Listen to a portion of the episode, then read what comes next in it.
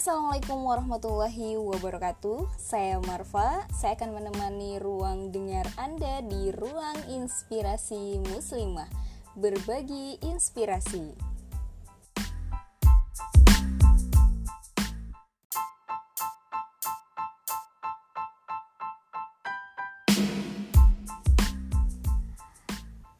pagi semuanya, selamat berhari Minggu.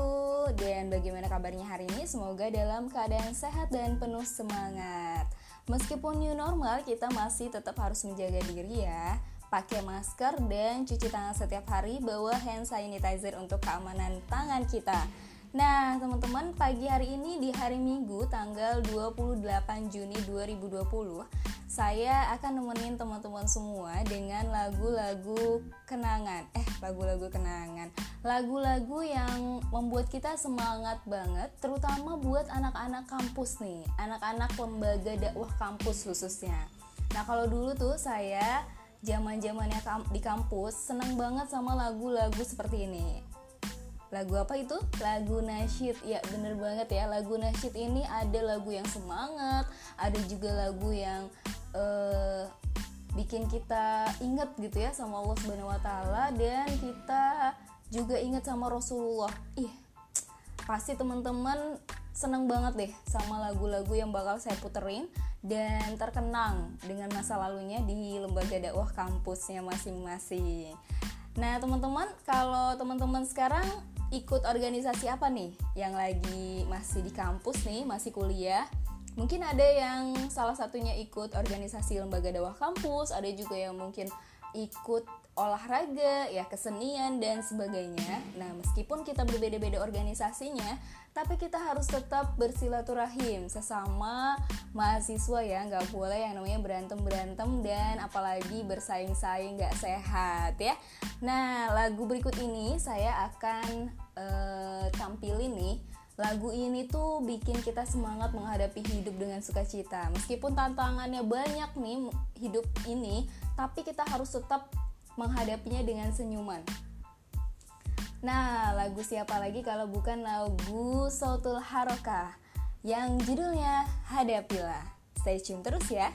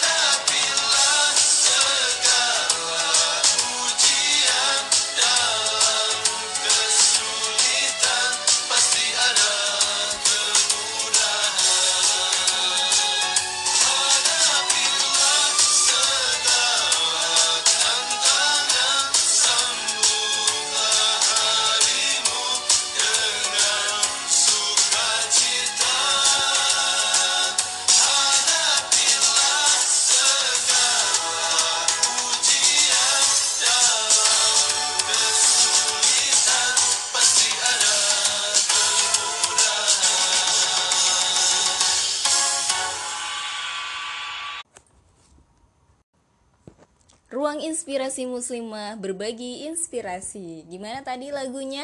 Lagu pertama yang tadi saya puterin ini salah satu lagu yang termasuk saya suka banget ya. Karena lagunya tuh menyemangati banget untuk menghadapi hidup ini ya, hidup yang penuh derita uh, tapi harus kita hadapi dengan sukacita. Lagu siapa itu? Lagu Sohar, Sautul Harokah. Nah, yang buat uh, teman-teman ikut lembaga dakwah kampus nih pasti kenal banget sama lagu-lagu ngehits. Tapi nggak tahu ya sekarang tuh anak-anak LDK-nya dengerin lagu apa ya? Kalau zaman dulu tuh saya zamannya di kampus nih ya zaman dulu. Bukan zaman purba ya zaman dulu waktu saya di kampus tuh senang banget namanya lagu-lagu sohar kemudian lagu-lagu hijaz ya dan lagu-lagu maherjen itu senang banget karena kalau kita dengerin lagu itu tuh kayak semangat semangat berjuang. Oh, di jalan dakwah itu tumbuh gitu ya. Semakin meninggi. Nah kalau sekarang pasti masih pada inget dong lagu-lagu nasyid kesukaannya. Nah oh ya pagi hari ini di samping saya udah ada seseorang yang mau berbagi inspirasi nih teman-teman. Karena beliau ini dulu adalah Ketua LDK, Lembaga Dakwah Kampus di salah satu universitas negeri di Kota Serang, Banten. Siapa lagi kalau bukan Bapak Nidi Sarmizi. Selamat pagi Bapak. Assalamualaikum warahmatullahi wabarakatuh. Selamat pagi. Assalamualaikum warahmatullahi wabarakatuh. Bagaimana kabar pagi hari ini? Alhamdulillah eh, sehat dan tetap bersemangat.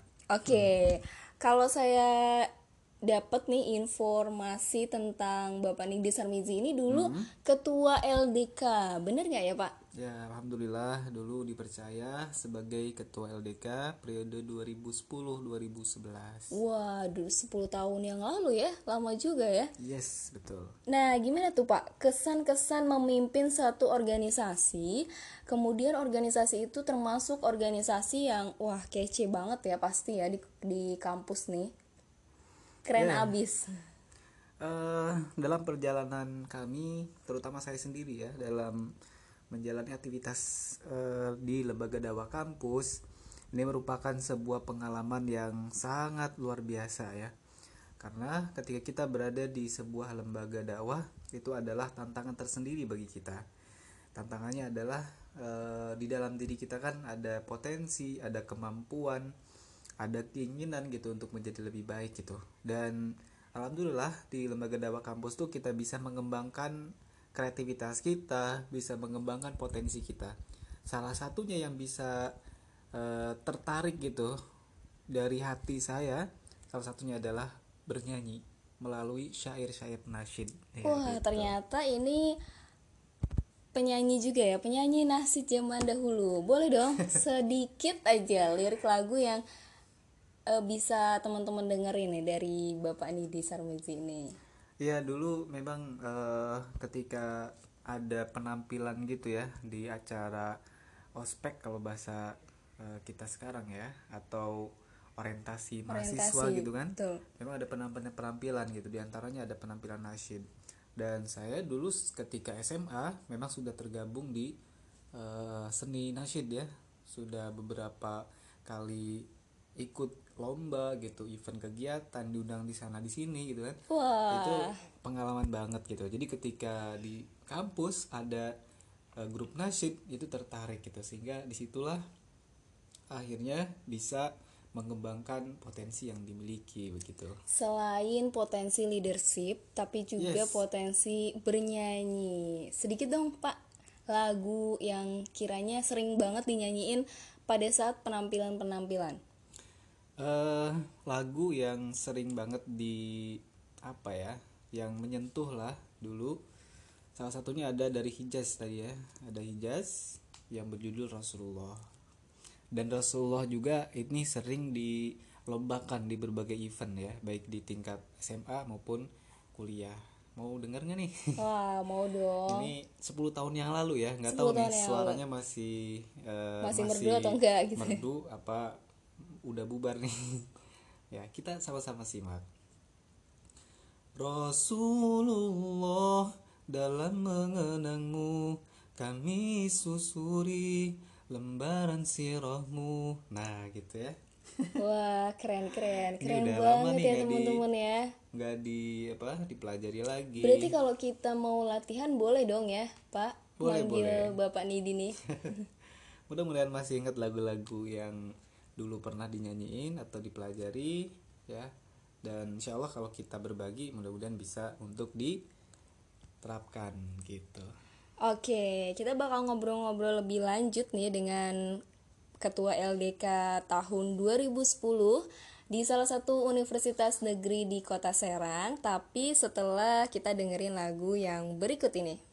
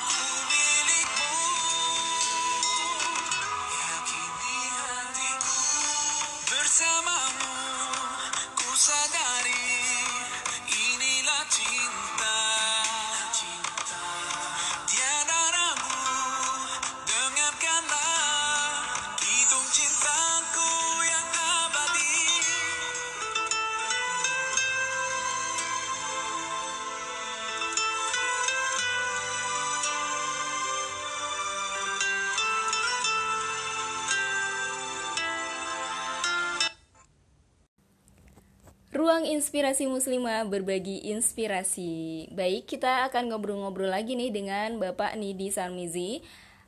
Dulu tahun 2010 sempat menjadi ketua LDK, Lembaga Dakwah Kampus.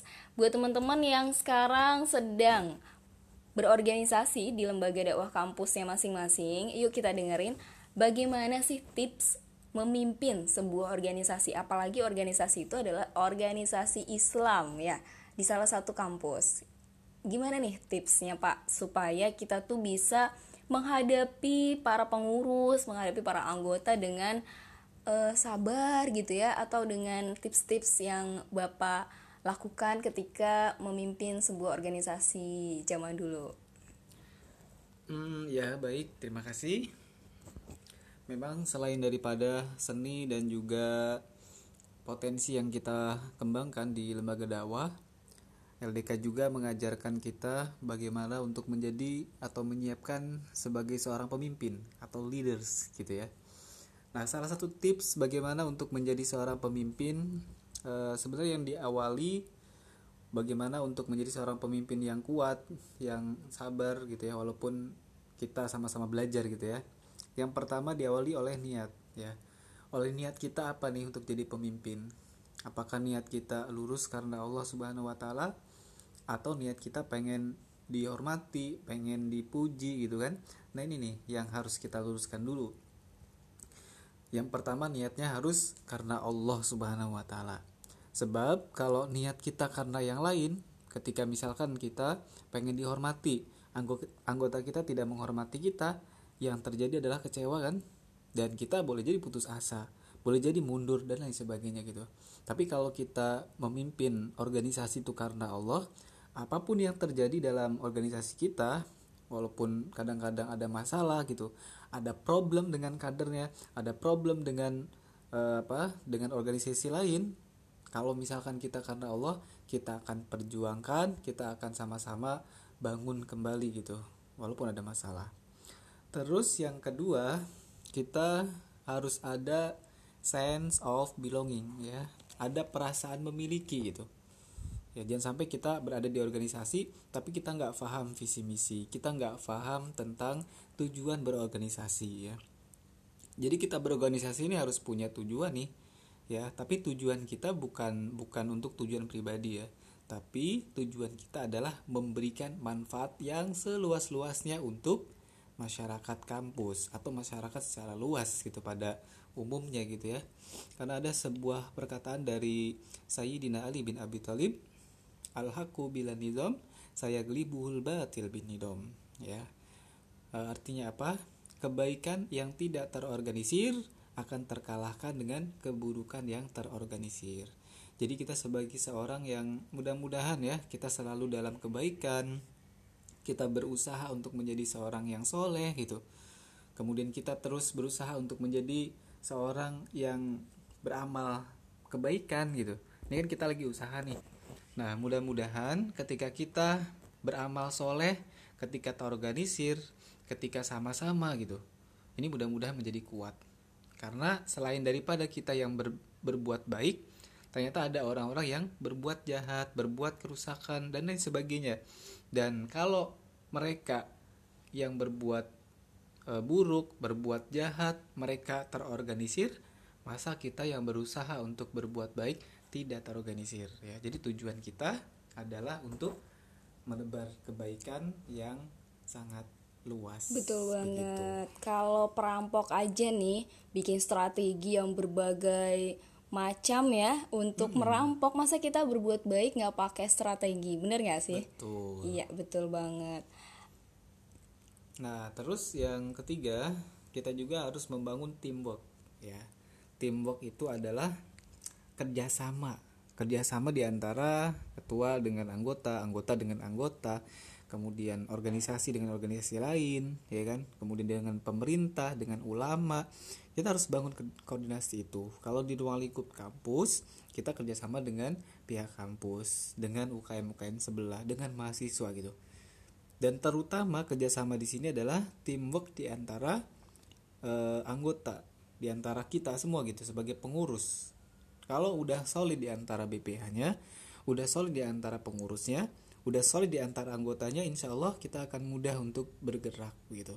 Dan kita tidak bisa e, memimpin gitu tanpa ada sayang, tanpa ada rasa cinta terhadap anggota. Maka tanamkanlah dalam hati kita kecintaan terhadap anggota, terhadap pengurus gitu ya.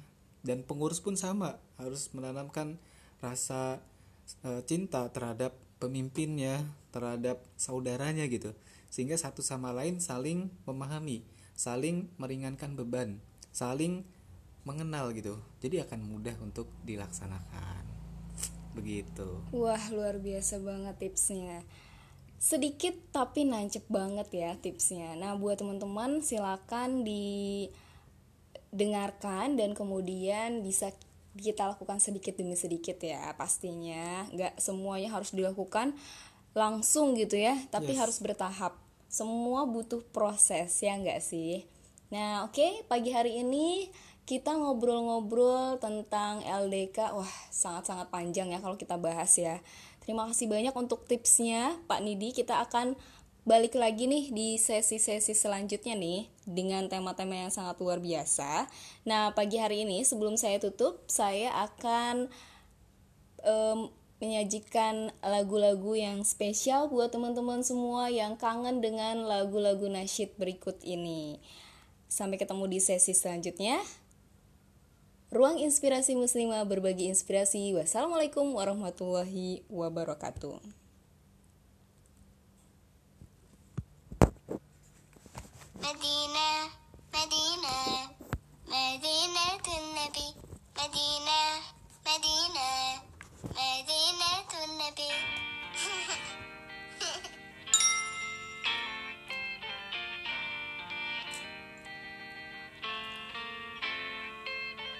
In my dreams, I make my way to Medina, the home and chosen place our beloved prophet, where all I feel is peace and so much joy around. No better place for me.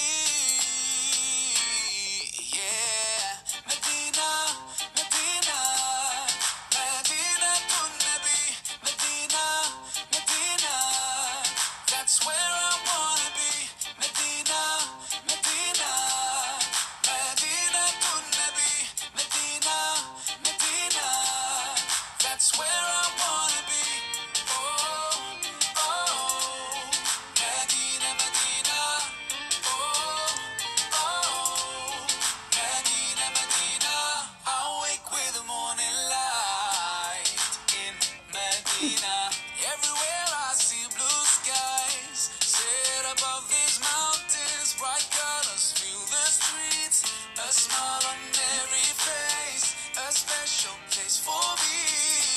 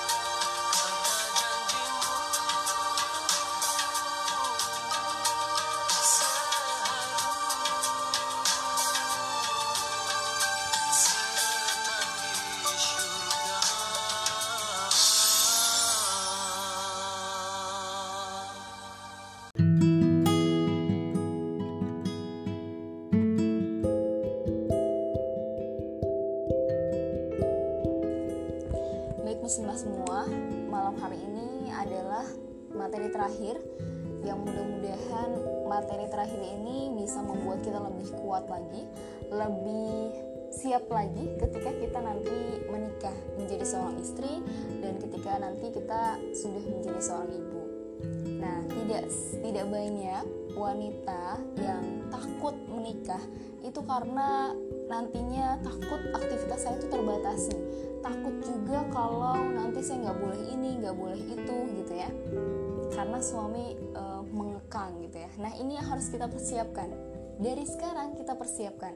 Jadi e, ibaratnya seperti ini kan. Kalau di materi pertama kita sudah mendengarkan bahwa jodoh kita gitu jodoh kita itu tidak 100% sesuai dengan keinginan kita. Ya maka persiapan persiapanlah yang harus kita lakukan agar kita siap menerima jodoh kita sesuai dengan yang Allah berikan gitu. Seperti itu. Jadi teman-teman jangan perlu jangan khawatir jangan takut. Baik muslimah semua malam hari ini adalah materi terakhir untuk teman-teman di Akademi Pranikah dan materi ini mudah-mudahan jadi pelengkap untuk teman-teman menyiapkan diri sebelum menjadi seorang istri dan sebelum menjadi seorang ibu. Sekarang teman-teman bisa aktif menjadi seseorang yang teman-teman inginkan. Ada yang menjadi seorang guru, ada yang menjadi seorang wartawan mungkin ada juga yang menjadi seorang pedagang pembisnis gitu ya. Apa pun yang teman-teman inginkan teman-teman bisa lakukan. Tapi ketika nanti teman-teman menjadi seorang istri dan mendapatkan suami yang tidak mengizinkan istrinya untuk bekerja tidak mengizinkan istrinya untuk menjadi ini menjadi itu nah inilah yang harus disiapkan oleh teman-teman uh, diri tapi juga kesiapan mental. Apakah teman-teman siap untuk menerima so menjadi seorang istri yang suaminya melarang untuk bekerja hanya di rumah. Nah, ini yang harus dipersiapkan. Mau seperti apa nih teman-teman ketika suami tidak mengizinkan untuk bekerja?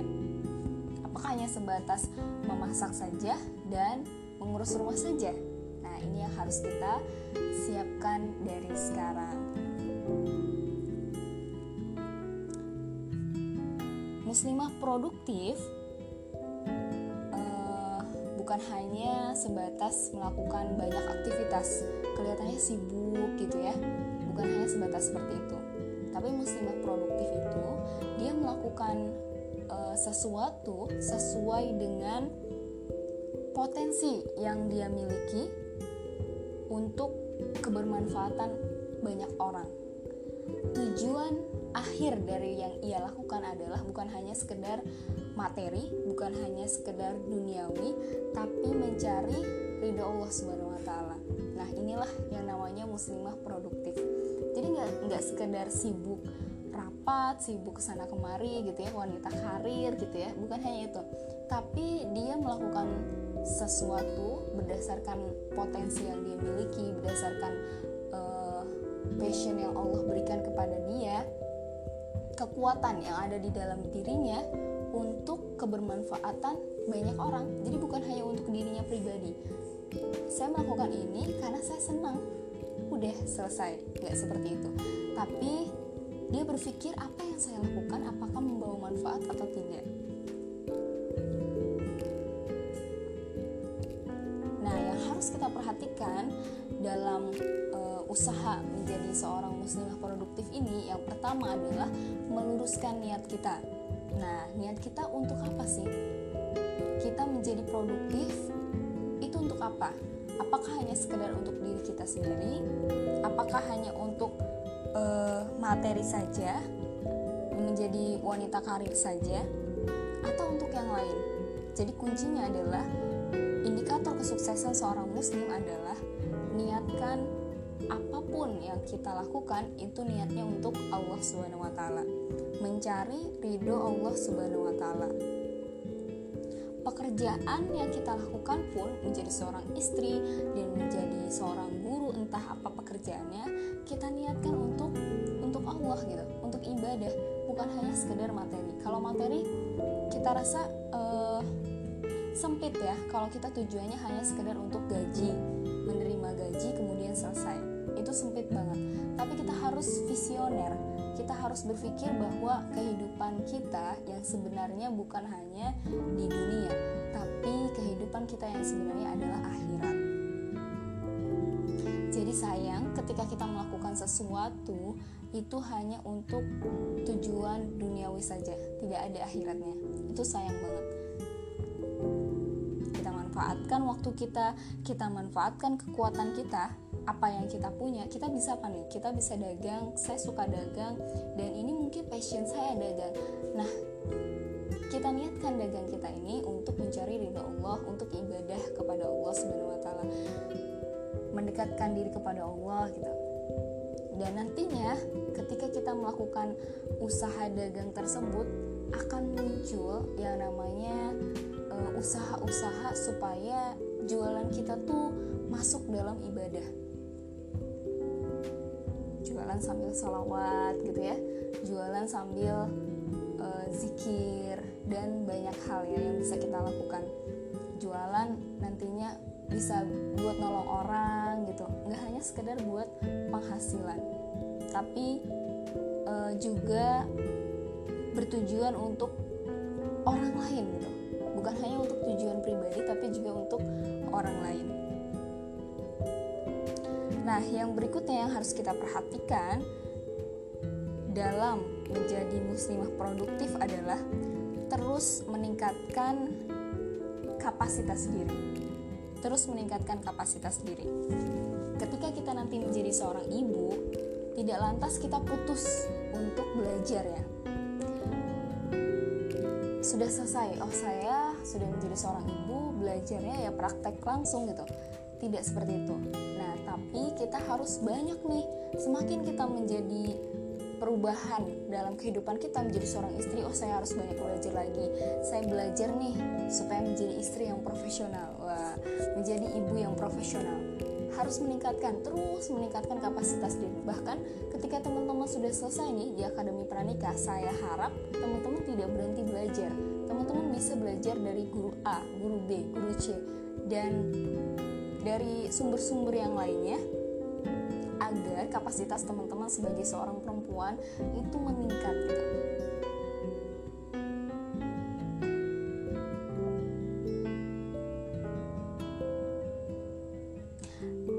Karena seperti ini teman-teman, muslimah akan menjadi seorang istri.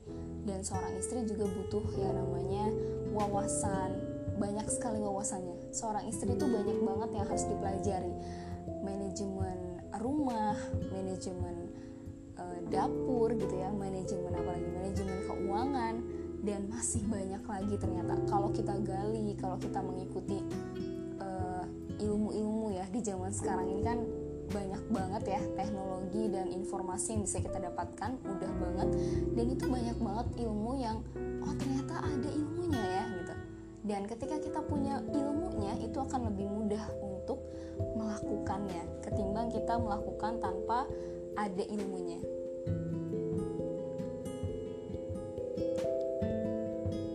Dan sebagai seorang ibu juga uh, harus punya banyak ilmu tentang parenting, kemudian tentang bagaimana sih mengurus anak yang tantrum dan sebagainya. Itu kan butuh ilmu ya teman-teman ya. Selain teman-teman nanti praktek ketika menjadi seorang ibu, tapi teman-teman juga harus punya ilmunya terlebih dahulu supaya teman-teman nggak kaget gitu. Jadi persiapan ketika menjadi seorang ibu tuh luar biasa ya. Kalau kita pengen jadi ibu yang profesional itu kita harus benar-benar meningkatkan kapasitas diri kita banget dari segi ilmu. Ilmu bisa didapat dari pelatihan, bisa didapat dari baca buku dan sebagainya. Itu banyak banget teman-teman bisa cari dan bisa list nanti ketika teman-teman sudah selesai di akademi pranikah ini. Teman-teman mau meningkatkan kapasitas apa? Teman-teman list dan teman-teman cari nih sumbernya di mana. Adanya pelatihannya di mana. Dan ini bukan hanya bukan hanya buat diri teman-teman. Ketika kita sudah meningkatkan kapasitas diri kita dapat ilmunya kemudian ya udah ini buat keluarga saya aja. Tidak. Tapi nanti bisa ditularkan lagi kepada orang banyak. Kita bisa sharing kepada orang lain dan lebih enak sharingnya ketika kita punya ilmu dan kemudian nanti kita praktek kita bisa sharing dengan lebih leluasa lebih lebih ngena gitu ya ketimbang kita nggak punya ilmu hanya sekedar praktek saja. Jadi harus dibarengi praktek dan ilmu. Supaya kita nggak kaget ketika menghadapi uh, status kita ke depan menjadi seorang istri dan menjadi seorang ibu yang berikutnya adalah manajemen waktu. Nah muslimah yang produktif itu kan nggak sekedar melakukan banyak aktivitas saja ya. Tapi juga kita harus uh, memanage waktu kita. Mana yang benar-benar pekerjaan yang mana yang tidak prioritas mana yang harus kita tinggalkan itu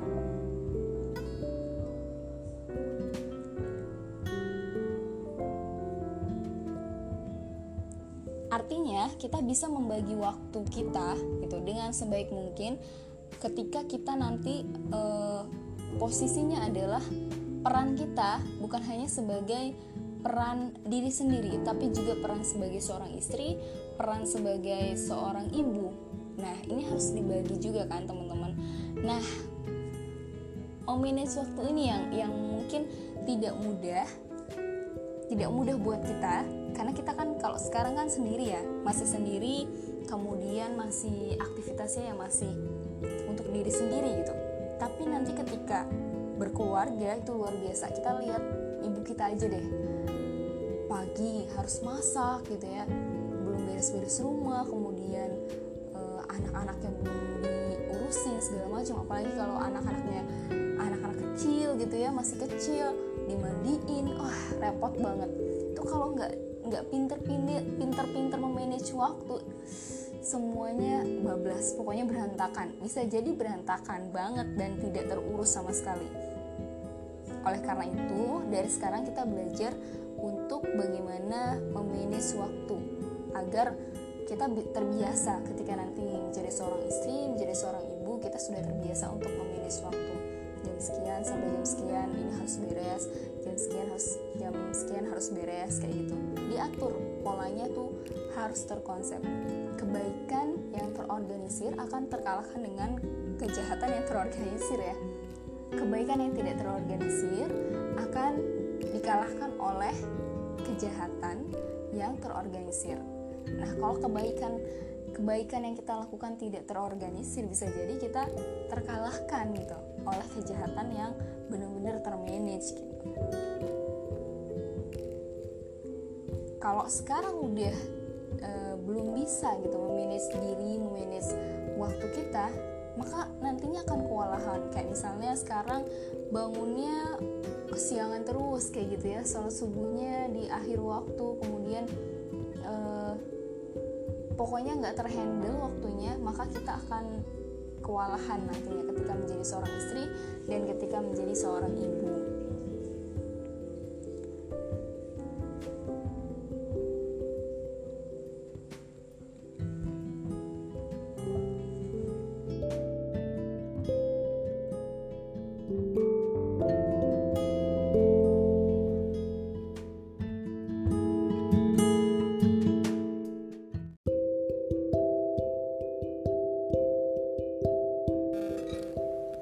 Ada yang harus kita renungkan bersama. Dan ini jarang sekali eh, mungkin kita renungkan kita muhasabahkan diri. Si Allah itu menciptakan kita gitu. Kadang-kadang pernah nggak teman-teman merenungkan itu? Kenapa sih saya tinggal di sini?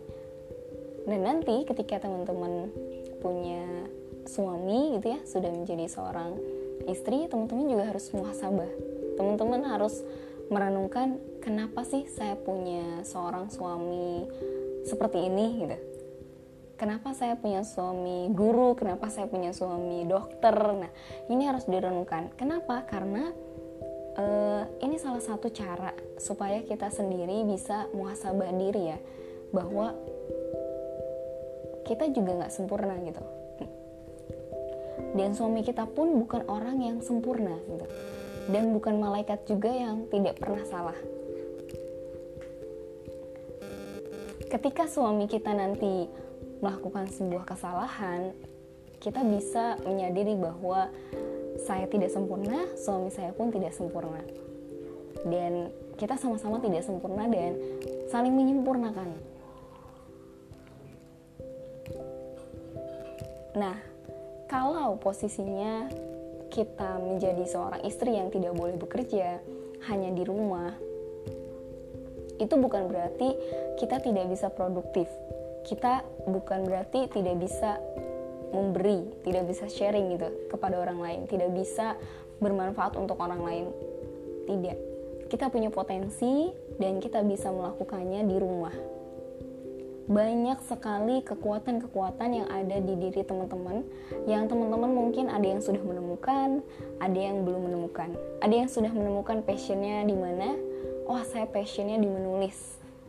Nah mungkin ada juga yang sudah punya karya buku gitu ya. Ada juga yang mungkin sudah punya karya eh, apalah gitu ya. Tergantung passion teman-teman. Dan ini memang harus kita temukan gitu. Dari dari saat ini gitu ketika kita belum punya belum masih bingung gitu passion kita apa kita cari tahu passion kekuatan kita tuh apa passion ini adalah satu kekuatan yang bisa membuat teman-teman itu berdaya gitu. Meskipun teman-teman tidak bekerja gitu tapi teman-teman bisa e, memanfaatkan kekuatan teman-teman ini untuk kebermanfaatan banyak orang. Karena tadi ya tujuan kita usahakan tujuan kita bukan untuk diri kita sendiri tapi kita juga e, bekerja atau misalnya melakukan sesuatu itu untuk kebermanfaatan orang banyak gitu kita punya ilmu, kita bisa sharing ilmu, dan itu bermanfaat untuk orang lain. Kita punya apalagi keterampilan memasak, kita berbagi kepada orang lain itu juga membawa manfaat untuk orang lain. Dan inilah muslimah yang produktif gitu. Jadi tidak hanya sekedar melakukan aktivitas-aktivitas e, biasa, tapi juga melakukan aktivitas dengan kekuatan yang dia miliki dan membawa manfaat untuk dirinya dan orang lain. Nah, muslimah produktif inilah harus kita lakukan, kita harus bisa menjadi muslimah produktif ketika kita sendirian saat ini, ketika kita belum menikah, dan ketika kita menjadi seorang istri dan seorang ibu.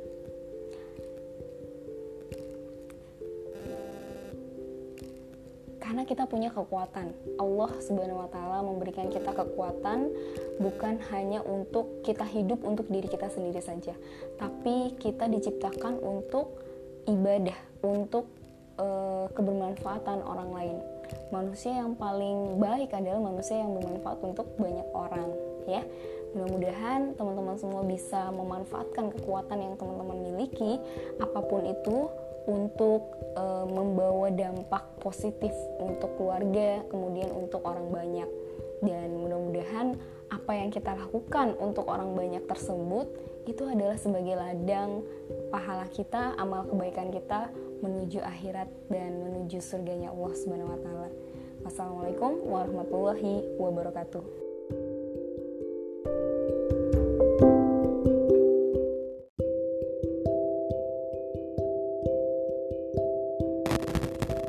Baik muslimah semua, malam hari ini adalah materi terakhir untuk teman-teman di Akademi Pranika.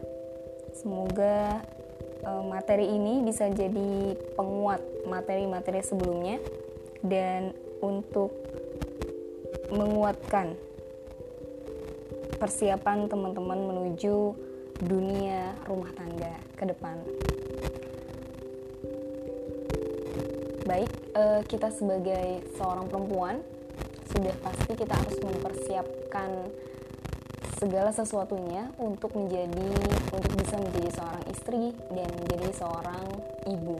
Bukan hanya sekedar menjadi seorang istri, kebetulan menjadi seorang ibu, kebetulan menjadi seorang istri, tapi kita harus bisa menjadi istri yang betulan dan ibu yang betulan.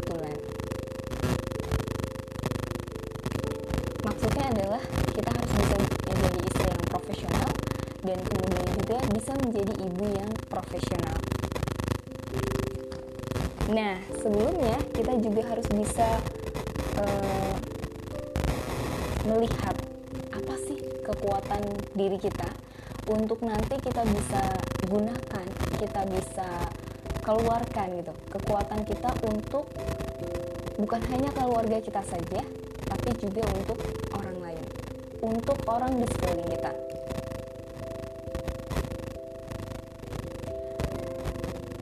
Sebelum ke sana, ya kita juga harus mempersiapkan ya tentunya. Ketika nanti kita mendapatkan ini persiapan diri kita ya, persiapan diri teman-teman ketika nanti teman-teman mendapatkan seorang suami yang tidak mengizinkan teman-teman untuk bekerja, teman-teman untuk menjadi seperti yang sekarang gitu ya, bebas untuk bekerja menjadi ini, menjadi itu. Nah, ini perlu disiapkan secara mental gitu. Secara siap diri juga gitu. Dan saya siap ketika suami saya e, melarang saya untuk bekerja dan saya tinggal di rumah dan mengurus rumah tangga ini harus dipersiapkan dari sekarang kalau nggak dipersiapkan nih teman-teman teman-teman bisa stres gitu ketika di rumah. Dulunya saya tuh aktif banget tapi ketika menjadi seorang istri ketika menjadi seorang ibu saya harus di rumah. Saya nggak bisa kayak gini. Biasanya kayak gitu ya. Kalau cerita-cerita orang yang uh, dulunya aktif kemudian tiba-tiba menjadi seorang ibu di rumah dan tidak terbiasa ini akan bisa membuat uh, hati pikirannya itu nggak karuan ya tapi ini bisa disiapkan dari sekarang supaya teman-teman bisa lebih siap secara mental secara siap secara diri juga sudah siap karena pada hakikatnya Allah Subhanahu wa taala memberikan kita kekuatan, memberikan kita kelebihan dan kita belum uh, mungkin ada yang sudah menemukan kekuatannya apa, ada yang belum menemukan kekuatannya apa, saya senangnya di mana, saya passionnya apa. Masing-masing orang berbeda. Ada yang sudah menemukan saya suka nulis, wah passion saya di nulis nih, dan sudah mengeluarkan karya. Nah, bisa berkarya ketika menjadi seorang istri, ketika di rumah aja juga masih bisa uh, menghasilkan sebuah karya dengan menulis, gitu kan, menghasilkan buku, kemudian juga mungkin bikin kelas-kelas menulis ketika nanti sudah berumah tangga dan sibuknya di rumah gitu. Dan ini bisa dimanfaatkan gitu kekuatan kita bisa kita manfaatkan kita bisa masih bisa aktif meskipun di rumah dan masih bisa lebih leluasa ya untuk mengurus rumah tangga ketimbang wanita yang e, bekerja di ranah publik ya. Kalau fokus di ranah domestik saja ini akan lebih luar biasa banget. Dan uh, saya termasuknya adalah bekerja di ranah publik dan merasakan bekerja di ranah domestik kemarin pada saat pandemi itu sangat-sangat optimal banget ya e, mengurus rumah itu benar-benar optimal apalagi ketika kita punya potensi punya kekuatan yang kita bisa manfaatkan, kita bisa berdayakan untuk keluarga kita dan untuk orang lain, orang yang di sekeliling kita. Kebermanfaatan eh, kita pun akan terasa oleh orang lain ketika kita punya kekuatan dan mengeluarkan kekuatan itu. Saya yakin teman-teman punya kekuatan yang sangat luar biasa ya. Ada yang mungkin passionnya di bidang bisnis ada juga passionnya di bidang pendidikan uh, ada juga mungkin di bidang parenting dan sebagainya ada juga yang mungkin senangnya di desain suka motret dan lain sebagainya itu bisa jadi kekuatan kita dan kita bisa manfaatkan ketika kita meskipun nggak bekerja di ranah publik kita masih bisa optimal dan masih bisa produktif. Nah, muslimah produktif itu bukan hanya sekedar banyak melakukan aktivitas aja. Misalnya sibuk ke sana kemari, sibuk e, melakukan A, melakukan B gitu ya, nggak jelas gitu. Tapi harus ada output untuk pribadi dan output untuk orang lain juga. kita melakukan uh, kalau saya mengartikan ya kita melakukan sesuatu muslimah produktif itu kita melakukan sesuatu dengan kekuatan kita gitu ya kita keluarkan kekuatan kita apa yang kita punya entah ilmu ataupun keterampilan apa pun untuk banyak orang untuk kebermanfaatan banyak orang. Jadi tujuannya bukan hanya untuk diri kita pribadi tapi juga untuk orang lain juga. Dan kita e, mengharapkan dari aktivitas kita itu adalah apa yang kita harapkan? Yang kita harapkan adalah ridho Allah Subhanahu wa taala. Ini yang harus kita tanamkan dulu kita pahamkan dulu apa itu muslimah produktif. Jadi menghasilkan, tapi bukan hanya menghasilkan sebatas materi saja, materi finansial seperti itu ya, tapi juga menghasilkan uh, apa ya kebahagiaan gitu. Ketika kita memberi, coba teman-teman uh, pernah kak merasakan ketika kita memberi nih, memberi seseorang gitu ya, uh, sesuatu meskipun sedikit, gitu, ada rasa bahagia di dalam diri kita Nah, itulah uh, keproduktifan kita gitu. Bukan hanya kita membuat diri kita bahagia secara uh, materi saja, finansial saja dengan kerja keras kita, tapi juga kita bisa memberi kepada orang lain. Bukan hanya memberi finansial saja, tapi juga memberi apa yang kita punya. Dengan kekuatan apa nih kita bisa bermanfaat untuk orang lain. Teman-teman tanamkan dulu ya muslimah produktif itu yang seperti apa. Nah yang harus kita perhatikan agar kita bisa menjadi muslimah yang produktif dan ini penting banget buat teman-teman yang pertama adalah niat ya. Luruskan niat dan teman-teman harus punya niat yang visioner. Bukan hanya niat sesaat tapi juga niat uh, jangka panjang ketika kita menjadi seorang entah seorang istri, entah seorang ibu dan seorang istri yang berkarir gitu ya di ranah publik, kita niatkan apa yang kita lakukan itu untuk ibadah, untuk Allah Subhanahu wa taala. Karena sejatinya ya kita hidup di dunia ini bukan hanya uh, apa ya? Ya hanya tempat persinggahan saja gitu. Tempat mengumpulkan amal-amal kebaikan untuk uh, kita bawa gitu ke akhirat kelak gitu. Kalau kita uh, meniatkan sempit sekali kalau kita meniatkan pekerjaan yang kita lakukan itu hanya sekedar untuk duniawi saja gitu. Sayang gitu. Setiap hari kita kerja setiap hari kita uh, dagang setiap hari kita jualan dan sebagainya itu hanya untuk sekedar mendapatkan uang, mendapatkan uang dan itu akan terasa lelah ketika teman-teman hanya mengharapkan imbalan gaji gitu ya. Kalau gaji nggak naik, e, kerjanya dikurangi dan kita nggak nggak komitmen dan sebagainya itu akan yang kita harapkan duniawi itu pasti akan terasa capek gitu. Tapi kalau kita niatkan untuk ibadah, untuk Allah Subhanahu wa taala, oh ini saya mencari amal kebaikan gitu ya. Dan bekerja bukan hanya untuk diri sendiri kita bisa nanti ngasih orang tua gitu dari hasil penghasilan kita kita bisa sedekah dan sebagainya. Itu akan terasa lebih ringan dan manfaatnya akan lebih kerasa ketimbang kita tujuannya hanya sekedar untuk mendapatkan gaji. Jadi luruskan niat dulu luruskan segala sesuatu uh, niatkan segala sesuatu yang teman-teman lakukan untuk mendapatkan ridho Allah Subhanahu wa taala. Dan ini adalah salah satu indikator kesuksesan seorang muslim ya. Yang berikutnya yang harus kita perhatikan adalah meningkatkan terus meningkatkan kapasitas diri kita sebagai seorang perempuan kita nggak hanya sekedar di dapur ya nggak hanya sekedar ngurusin beres-beres rumah tidak hanya seperti itu kita nanti akan menjadi seorang istri, bagaimana kita memanage keuangan, bagaimana kita mengatur uh, rumah tangga, bagaimana mengatur apa ya belanja bulanan. Nah itu kan butuh ilmu ya. Nah kalau kita nggak meningkatkan kapasitas diri kita gitu ya, menuntut ilmu ke yang ahlinya, kita nggak akan bisa melakukan sesuatu dengan baik gitu.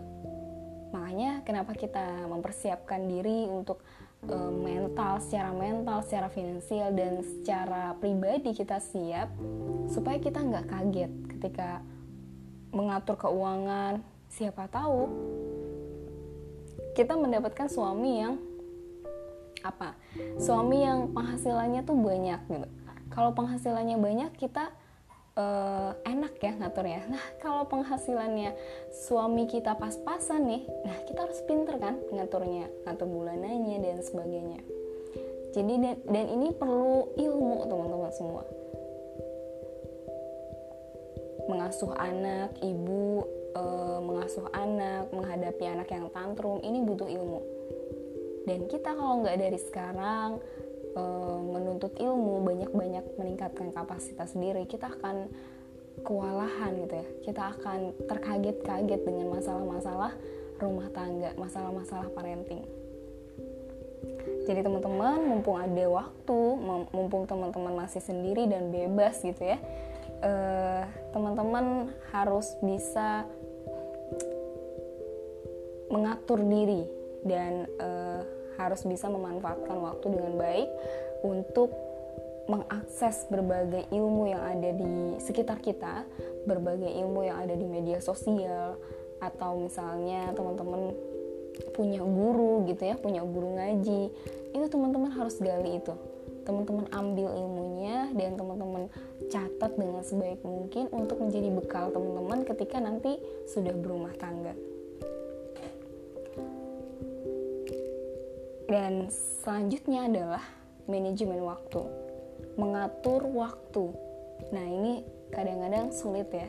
Tapi kita bisa lakukan itu, kita usahakan setahap demi setahap ya. Sedikit demi sedikit kita lakukan gitu. Mulai dari membuat jadwal harian, jadwal bulanan mungkin ada jadwalnya, kemudian schedule um, bisa jadi per jam gitu ya ya dengan cara teman-teman sendiri kita harus bisa mengatur waktu karena mumpung sendiri gitu ya kalau kita nanti sudah berkeluarga coba kita lihat ibu kita jam segini udah bangun jam sekian udah beres kayak gitu. Itu kan manajemen waktu ya dan nantinya akan terpola. Kalau kita lihat keluarga gitu ya ibu kita itu terpola banget tuh bangun jam berapa masak jam berapa gitu ya beres beres makan siang jam berapa itu terpola. Dan kita harus belajar sih sebenarnya ya ketika kita mengamati kita belajar juga dari orang tua kita sendiri. Dan manajemen waktu ini penting ya kapan kita uh, me time gitu kapan waktu untuk keluarga kapan juga untuk anak dan kapan untuk liburan ini kan harus benar-benar termanage. Kalau sekarang aja kita waktunya berantakan bangun siang kemudian kerja juga terlambat terus. Nah ini bagaimana ketika nanti kita berumah tangga yang bukan hanya mengatur diri sendiri tapi juga kita harus mengatur orang lain gitu kan? Mengatur suami kita mengatur anak-anak kita.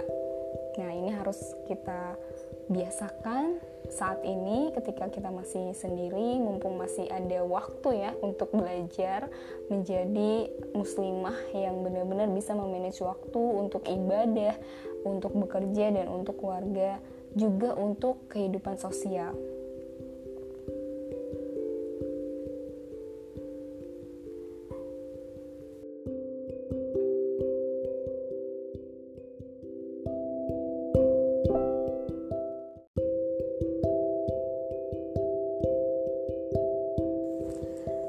Muslimah semua, malam hari ini kita sudah masuk ke materi terakhir. Tidak terasa materi demi materi sudah teman-teman uh, pelajari, sudah teman-teman dapatkan dan mudah-mudahan materi terakhir ini menjadi materi penguat untuk materi-materi sebelumnya. Karena kita sebagai seorang muslimah nih bukan hanya sebatas tugas kita di dapur dan di kasur saja. Di sumur, kasur, dapur, bolak-balik gitu ya. Tapi kita juga harus bisa produktif. Kita juga harus bisa memberdayakan kemampuan kita potensi yang kita miliki yang Allah Subhanahu wa taala berikan kepada kita untuk bukan hanya untuk diri kita saja tapi juga untuk orang lain.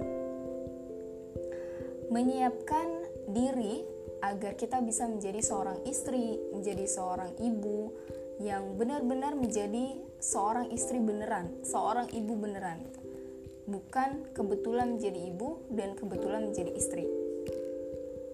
Banyak hal yang harus kita pelajari, banyak hal yang harus kita siapkan untuk bisa menjadi seorang istri yang produktif, seorang ibu yang produktif. Muslimah produktif bukan hanya melakukan aktivitas banyak aktivitas, melakukan e, banyak pekerjaan, sibuk ke sana kemari begitu ya. Tapi ini yang harus kita pahamkan dulu dan kita sepakati bersama bahwa muslimah produktif adalah muslimah yang melakukan sesuatu dengan kekuatannya. Dia mengeluarkan uh, potensi yang dia miliki, kekuatan yang Allah berikan kepadanya untuk kebermanfaatan orang banyak. Jadi pekerjaan yang dilakukan oleh kita sebagai seorang muslimah bukan hanya untuk diri kita saja, tapi juga untuk orang lain kita bekerja, kita melakukan sesuatu itu bukan hanya untuk kita, tapi juga untuk orang lain. Nah, ini muslimah yang produktif. Nah, ini harus kita siapkan secara mental dan secara diri ya. Diri kita siap, kemudian mental kita juga siap.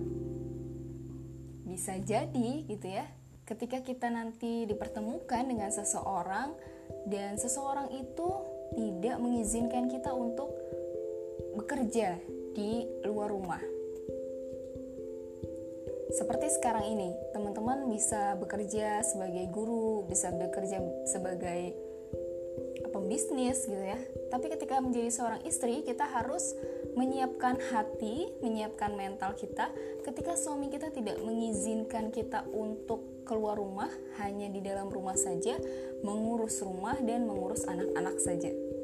Apakah hati kita siap kalau kita tidak menyiapkan itu dari sekarang? Nah, kalau kalau pemikiran kita muslimah produktif itu hanya bekerja di luar rumah, bekerja di ranah publik saja. Nah, ini harus diluruskan. Muslimah produktif bisa dari rumah. Teman-teman bisa produktif ketika teman-teman berada di rumah. Karena Allah Subhanahu wa taala memberikan kita kekuatan yang kita bisa manfaatkan, kita bisa gunakan untuk membuat kita lebih produktif. Dan produktif tadi maknanya adalah bukan hanya untuk diri kita, tapi juga kita bisa bermanfaat untuk orang lain. Ada beberapa hal yang harus kita perhatikan supaya kita bisa menyiapkan diri kita menjadi muslimah yang produktif adalah niatkan segala aktivitas kita untuk Allah Subhanahu wa taala. Apa pun aktivitas kita, sekecil apa pun itu, kita niatkan untuk Allah. Kita bekerja sekarang, kita melakukan sesuatu, gitu ya. Kita dagang, kita bisnis, kita jadi wartawan dan sebagainya. Itu kita niatkan untuk Allah Subhanahu wa taala sayang ya ketika kita meniatkan kita bekerja ya memang tidak munafik ketika kita meniatkan untuk finansial. Tapi prioritaskan niat kita adalah untuk ibadah. Supaya apa? Supaya kita ketika mendapatkan gaji yang sekarang masih gajinya kecil nih itu nggak kecewa gitu. Kalau kita niatnya sama uh, kita niatnya niat untuk ibadah, kita nggak kecewa dengan gaji yang kecil. Karena segala sesuatu yang dilakukan itu bukan untuk gaji, bukan untuk finansial, dan bukan untuk pribadi kita, tapi juga untuk jangka panjang kita. Dan selanjutnya adalah yang mesti kita persiapkan meningkatkan kapasitas diri. Terus meningkatkan kapasitas kita kan seorang istri kita akan menjadi seorang ibu. Kalau kapasitas kita nggak ditingkatin nih maka kita akan uh, apa ya ter terlewat gitu. Apalagi teknologi-teknologi saat ini itu udah canggih. Anak-anak kecil aja udah main media sosialnya tuh udah bagus banget ya melebihi orang tuanya bahkan. Nah kalau kita tidak meningkatkan kapasitas diri kita dari sekarang maka kita akan uh, terkaget-kaget. Bukan hanya terkaget-kaget ya mungkin kewalahan. Pada saat kita punya anak gimana nih menghadapi anak yang seperti ini? Menghadapi anak yang seperti itu. Tapi kalau kita sudah punya ilmunya, kita sudah menyiapkan diri dari sekarang, kita sudah belajar banyak ke ke guru satu, ke guru dua gitu ya, ikut seminar gitu. Teman-teman manfaatkan waktu single ini, waktu waktu-waktu sendiri ini dengan meningkatkan kapasitas. Kalau ada waktu, teman-teman bisa ikut seminar, gitu. bisa ikut training apa yang bisa nantinya teman-teman menguatkan kekuatan teman-teman. Misalnya teman-teman senang sama menulis, teman-teman kuatin dengan ikut training menulis, kemudian belajar dari penulis, belajar untuk bikin buku dan sebagainya. Tingkatin kapasitas teman-teman dari sekarang. Maka teman-teman akan lebih enak ketika menjalani kehidupan rumah tangga nanti. Dan berikutnya adalah manajemen waktu. Ini sulit tapi harus kita biasakan dari sekarang. Karena kalau dari sekarang udah acak-acakan nih manajemen waktunya, udah gak karuan gitu ya bangunnya kesiangan, kerja juga telat terus. Nah, nanti gimana nih kalau sudah berumah tangga? Apalagi kalau udah rumah tangga, kita bukan hanya bangun sendiri gitu ya tapi kita juga harus bangunin suami gitu kan harus bangunin anak dan sebagainya gitu. Mengatur waktu kapan untuk keluarga kapan untuk ibadahnya apalagi yang bekerja di ranah publik kapan untuk bekerjanya. Ini benar-benar harus di manage. Kenapa penting banget nih manajemen waktu? Kalau yang bekerja di ranah publik ketika berkeluarga, pulang-pulang mesti bekerja lagi gitu ya, bekerja di ranah domestiknya, masak dan sebagainya. Padahal posisi kita tubuhnya udah capek bekerja di ranah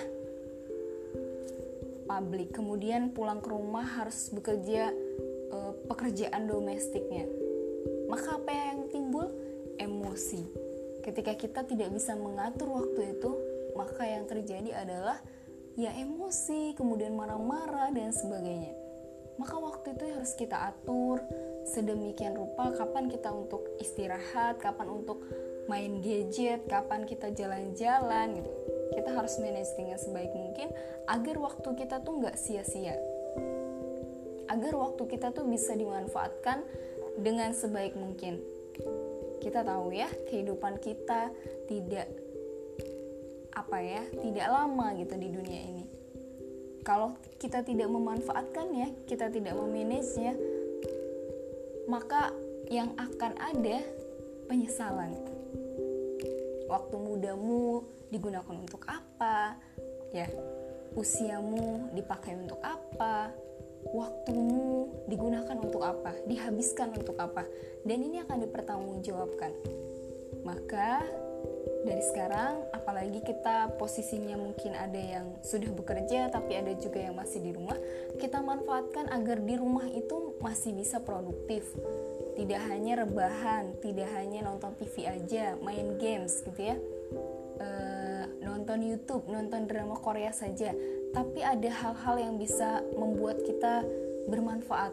Kita bisa bikin karya kita bisa bikin hal-hal yang positif bikin konten mungkin ya konten-konten yang menginspirasi kemudian di share ke YouTube dan media sosial lainnya dan orang lain melihat kemudian tertarik meniru gitu apa yang kita lakukan dan itu membawa manfaat yang jangkanya panjang sekali. Ketika orang meniru kebaikan kita, maka pahalanya tidak akan terputus kan?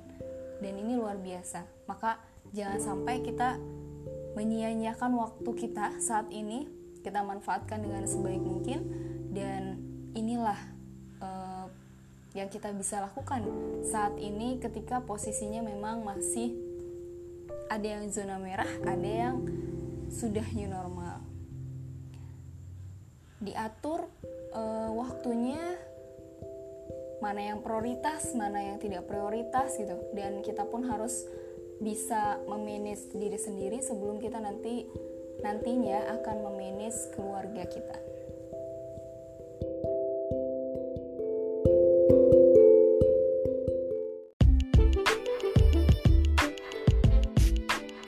Assalamualaikum warahmatullahi wabarakatuh. Bagaimana kabarnya teman-teman semua? Semoga dalam keadaan sehat dan penuh semangat. Dan malam hari ini alhamdulillah kita dikasih kesempatan oleh Allah Subhanahu wa taala untuk belajar kembali di kelas Akademi Pranikah di materi kelima. Tidak terasa ya, materi terakhir dan teman-teman semoga ini menjadi penguat dari materi-materi sebelumnya. Setelah mendengarkan materi, kita akan diskusi bersama di kelas. Silakan yang mau bertanya bisa langsung di chat di grup kelas.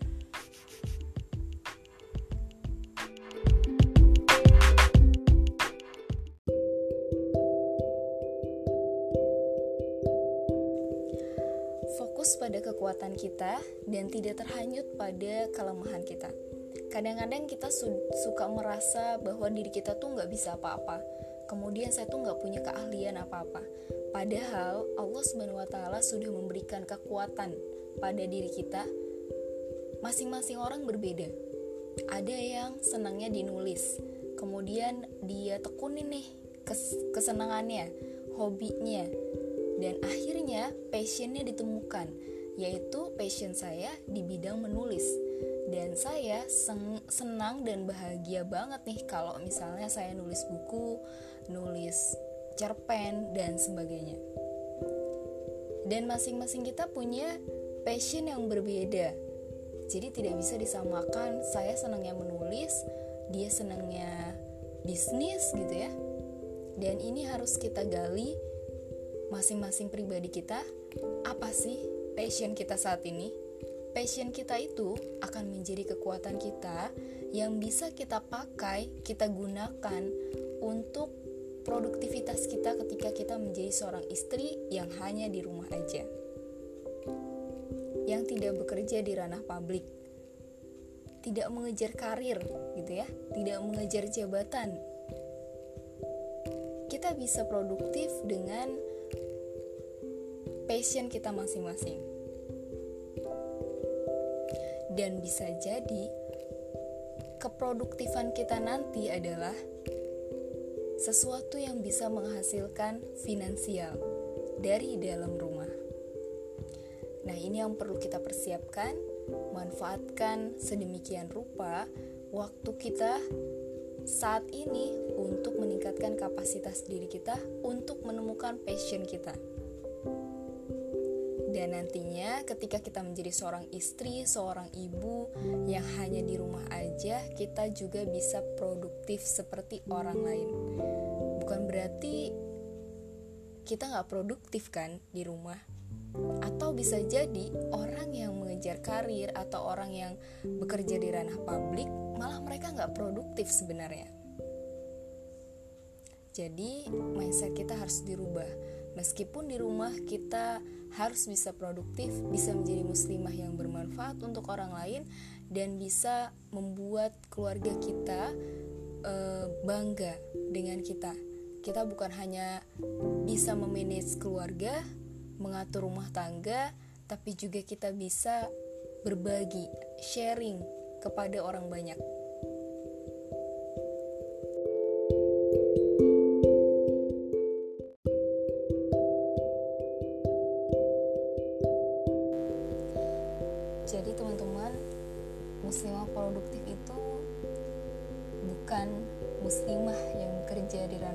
Saja dan mengejar karir, kemudian sibuk rapat, sibuk ke sana kemari. Tapi muslimah produktif adalah muslimah yang dengan penuh daya dia bisa melakukan sesuatu untuk dirinya, untuk keluarganya, dan untuk orang lain.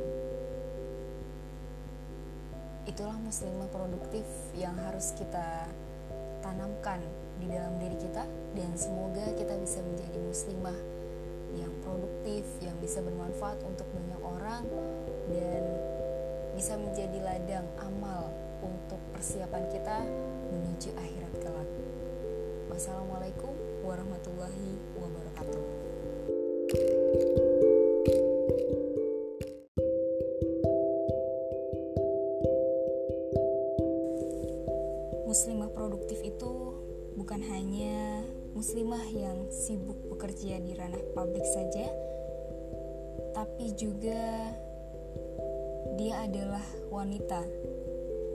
muslimah yang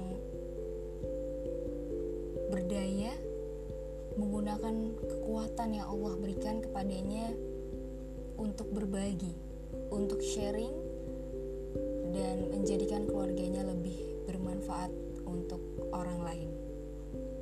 Semoga kita bisa menjadi istri dan ibu produktif dan kita bisa membawa keluarga kita menjadi manusia yang lebih bermanfaat lagi untuk banyak orang, bukan hanya untuk keluarga kita saja, tapi kekuatan kita, apa yang Allah berikan kepada kita, kita bisa bagikan kepada orang yang di sekeliling kita. Wassalamualaikum warahmatullahi wabarakatuh.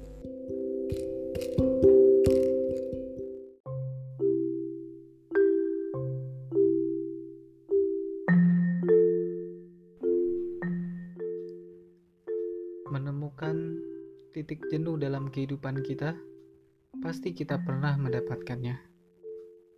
Merasa bosan dalam menjalani aktivitas harian, mungkin kita sering menjalaninya. Saat menemukan titik kegelapan hidup, tunggu sebentar lagi. Jangan dulu menyerah. Tetaplah berbuat dan lakukan semampu kita. Karena fajar kebaikan pasti segera terbit. Janganlah menyerah pada keadaan yang sulit menghimpit. Sebab setelah kesulitan pasti ada kemudahan-kemudahan. Tetaplah lakukan hal yang baik dan terus bantu dengan pikiran yang baik. Ini adalah kuncinya. Maka keberhasilan dan kebahagiaan akan segera diraih.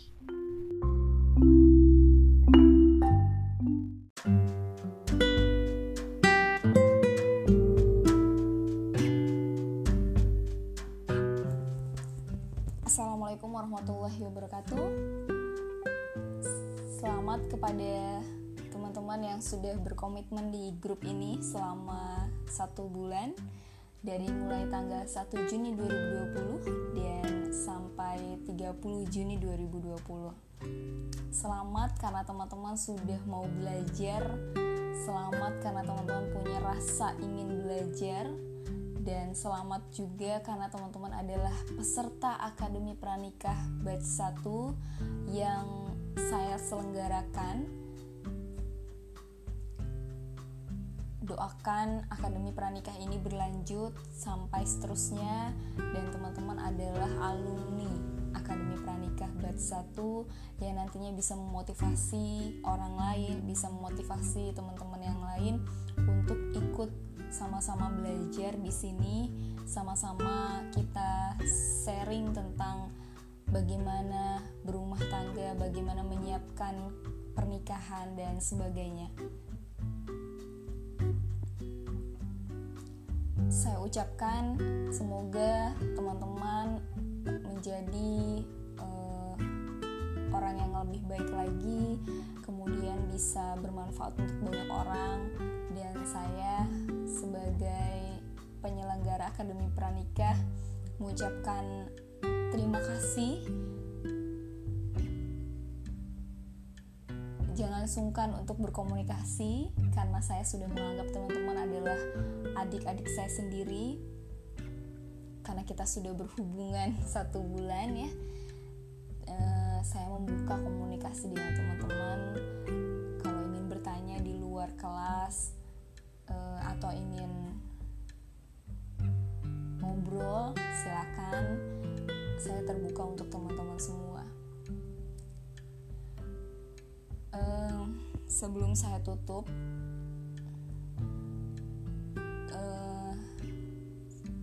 bagi teman-teman yang ingin memberikan kesan dan pesan bisa di grup ini langsung karena pesan dan kesan teman-teman menjadi bahan evaluasi buat saya pribadi dan pemateri ya untuk lebih baik lagi di kelas berikutnya. Kemudian kesan teman-teman eh, saya izin untuk mempu- mempublikasikannya karena kesan teman-teman ini bisa memotivasi orang lain untuk belajar di kelas akademi pranikah berikutnya. Doakan kelas akademi pranikah ini menjadi lebih baik lagi di kemudian hari. Doakan semoga eh, kelas ini menjadi salah satu sarana atau fasilitas fasilitas eh, teman-teman untuk menuntut ilmu dalam menyiapkan diri untuk menuju jenjang pernikahan. Saya Marfa dan tim pemateri eh, kemudian pendamping yaitu Mbak Siska mengucapkan mohon maaf atas segala kekurangan dan semoga perjalanan teman-teman lebih baik lagi. Jangan bosan untuk menuntut ilmu di mana pun. Selagi ilmu itu baik untuk diri teman-teman maka terus belajarlah. Saya tutup kelas akademi pranikah ini dengan membaca hamdalah. Alhamdulillahirobbilalamin. Terima kasih banyak teman-teman semua. Salam cinta buat teman-teman salam sayang dan salam persaudaraan dari saya sendiri. Wassalamualaikum warahmatullahi wabarakatuh.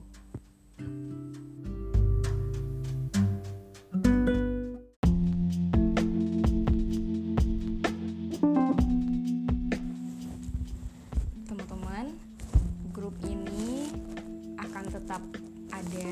Kita tidak akan delete grup ini tapi kita akan merubah nama grupnya kenapa tujuannya adalah supaya kita tetap eh, silaturahim dan kemudian teman-teman bisa mudah untuk berkolaborasi yang punya bisnis, yang punya acara bisa share di sini.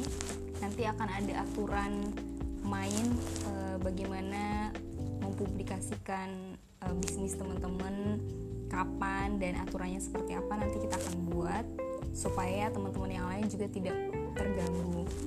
Tapi kita tidak memaksakan buat yang mau tetap berada di sini silakan. Eh, tidak pun ya nggak jadi masalah.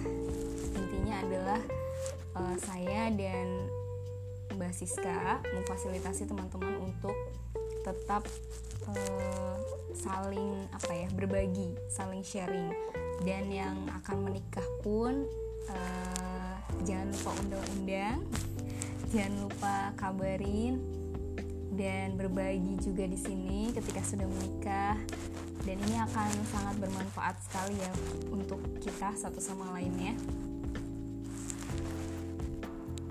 Eh, intinya adalah silaturahim kita jadi nggak terputus dan kita saling memberi informasi dan saling buat yang mau sharing curhat segala macam eh, jika memungkinkan untuk di grup ini silahkan.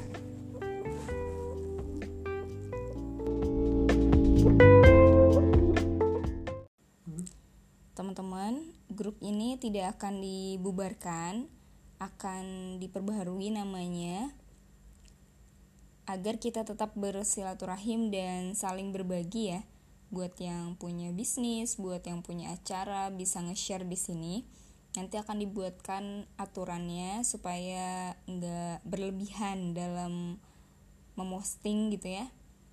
Dan saya dan Mbak Sisya tidak memaksakan buat teman-teman yang mau live juga silakan buat teman-teman yang masih tetap juga nggak masalah karena kita intinya memfasilitasi untuk teman-teman bisa sharing aja saling berbagi ada yang berbagi informasi acara atau apa pun bisa nge-share di sini nah e, untuk sertifikasi nanti saya akan kirim melalui email teman-teman yang buat belum mengisi link pendaftaran ulang silakan diisi agar emailnya bisa kami kirimkan sertifikat. Terima kasih teman-teman semua.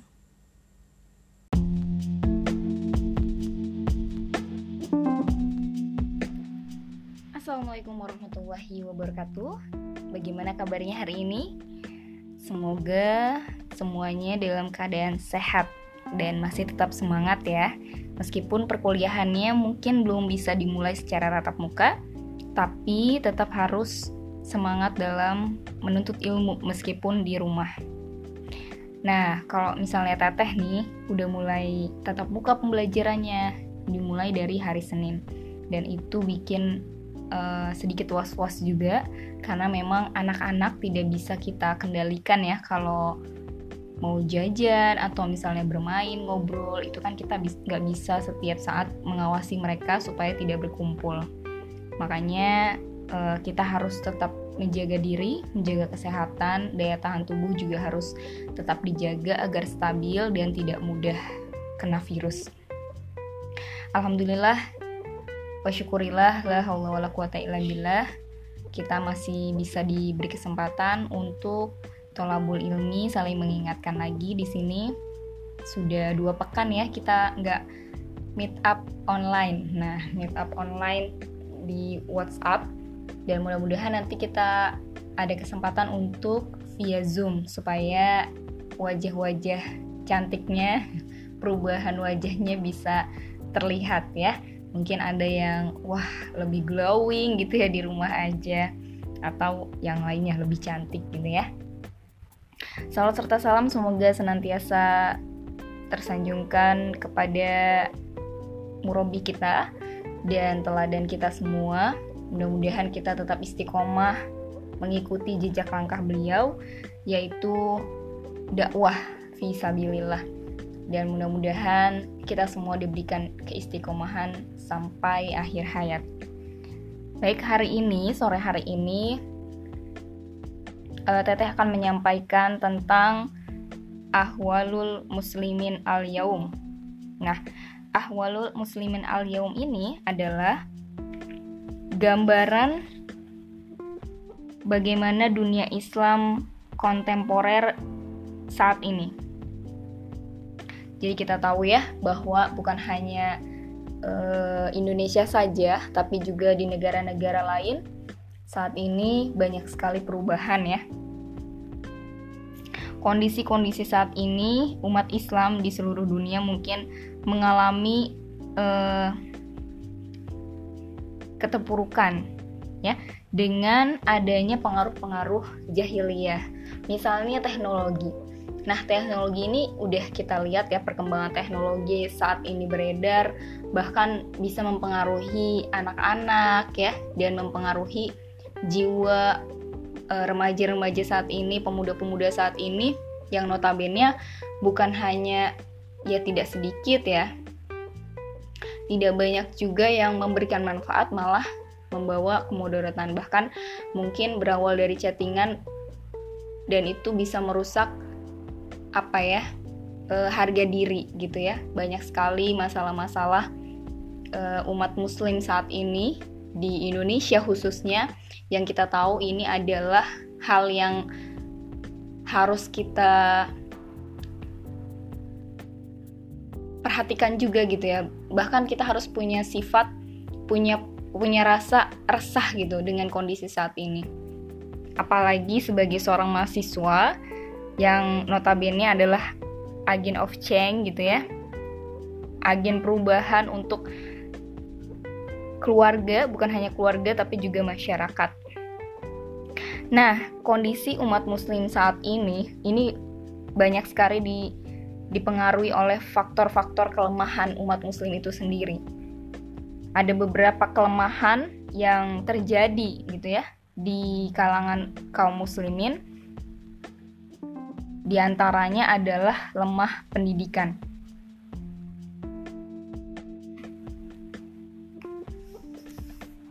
Nah, lemah pendidikan ini kita tahu ya, ada beberapa daerah yang mungkin uh, lebih mengutamakan ekonomi gitu ya dibanding pendidikannya. Bahkan pendidikan itu di nomor dua kan gitu. Sedangkan pendidikan adalah faktor yang urgen gitu, faktor yang utama untuk manusia gitu ketika dia sudah uh, terbina, terdidik gitu ya, insya Allah bangsa ini pun akan bisa terdidik juga, baik secara moral gitu ya. Ketika kita berilmu kan kita bisa tahu mana yang benar, mana yang salah, kita bisa memilih mana yang harus dilakukan, mana yang tidak harus dilakukan. Nah, faktor inilah yang dirasakan umat muslim saat ini dan masalah-masalah uh, kaum muslim yang saat ini beredar rata-rata adalah uh, terjadi pada orang-orang yang tidak berpendidikan, putus sekolah, kemudian nggak bekerja gitu akhirnya melakukan melakukan melakukan tindakan-tindakan kejahatan mencuri membunuh ya ini adalah salah satu faktor yang bisa menyebabkan orang tidak bisa memilih atau tidak bisa melihat apakah itu benar atau salah.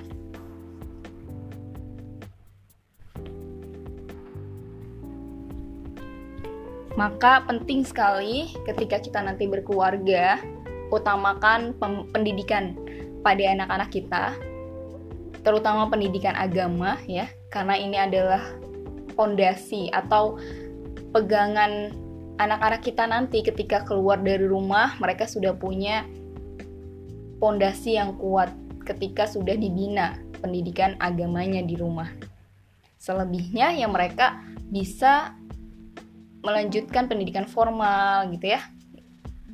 Madrasah banyak ya pendidikan formal yang bisa di diikuti oleh anak-anak kita nanti. Berikutnya adalah kelemahan wawasan. Lemah wawasan ini uh, ada kaitannya dengan gaptek ya. Misalnya kita nggak tahu tuh yang namanya Facebook, Instagram gitu ya. Tapi teteh yakin kalian udah udah kenal banget ya. Bahkan udah ada yang mainan YouTube ya, luar biasa. Nah, untuk orang-orang yang lemah wawasan inilah yang bisa jadi sangat tertinggal jauh gitu dari perkembangan ilmu pengetahuan dan, dan teknologi saat ini. Sebenarnya bukan bukan kalau sekarang mungkin uh, bukan dari kesulitan. Kesulitan kita mendapatkan informasi gitu dari media sosial. Bahkan sekarang udah disediakan alat ya handphone gitu ya laptop. Jadi sebenarnya tinggal umat muslim itu sendiri mau atau tidak mempelajari uh, perkembangan teknologi saat ini. Jadi buat kita nih yang calon emak-emak harus bisa menguasai perkembangan teknologi, uh, dapat wawasan yang bisa jadi ketika nanti kita ngobrol sama orang gitu, orang itu ngobrol tentang eh apa sih berita terkini saat ini kita bengong Nah, artinya kita kurang wawasan nih. Jadi, usahakan setiap hari tuh kita punya berita terbaru. Kayak misalnya kemarin berita terbaru tentang apa? Masjid, masjid apa ya yang di Turki yang sekarang sudah kembali menjadi masjid. Dulunya adalah museum dan sekarang menjadi masjid.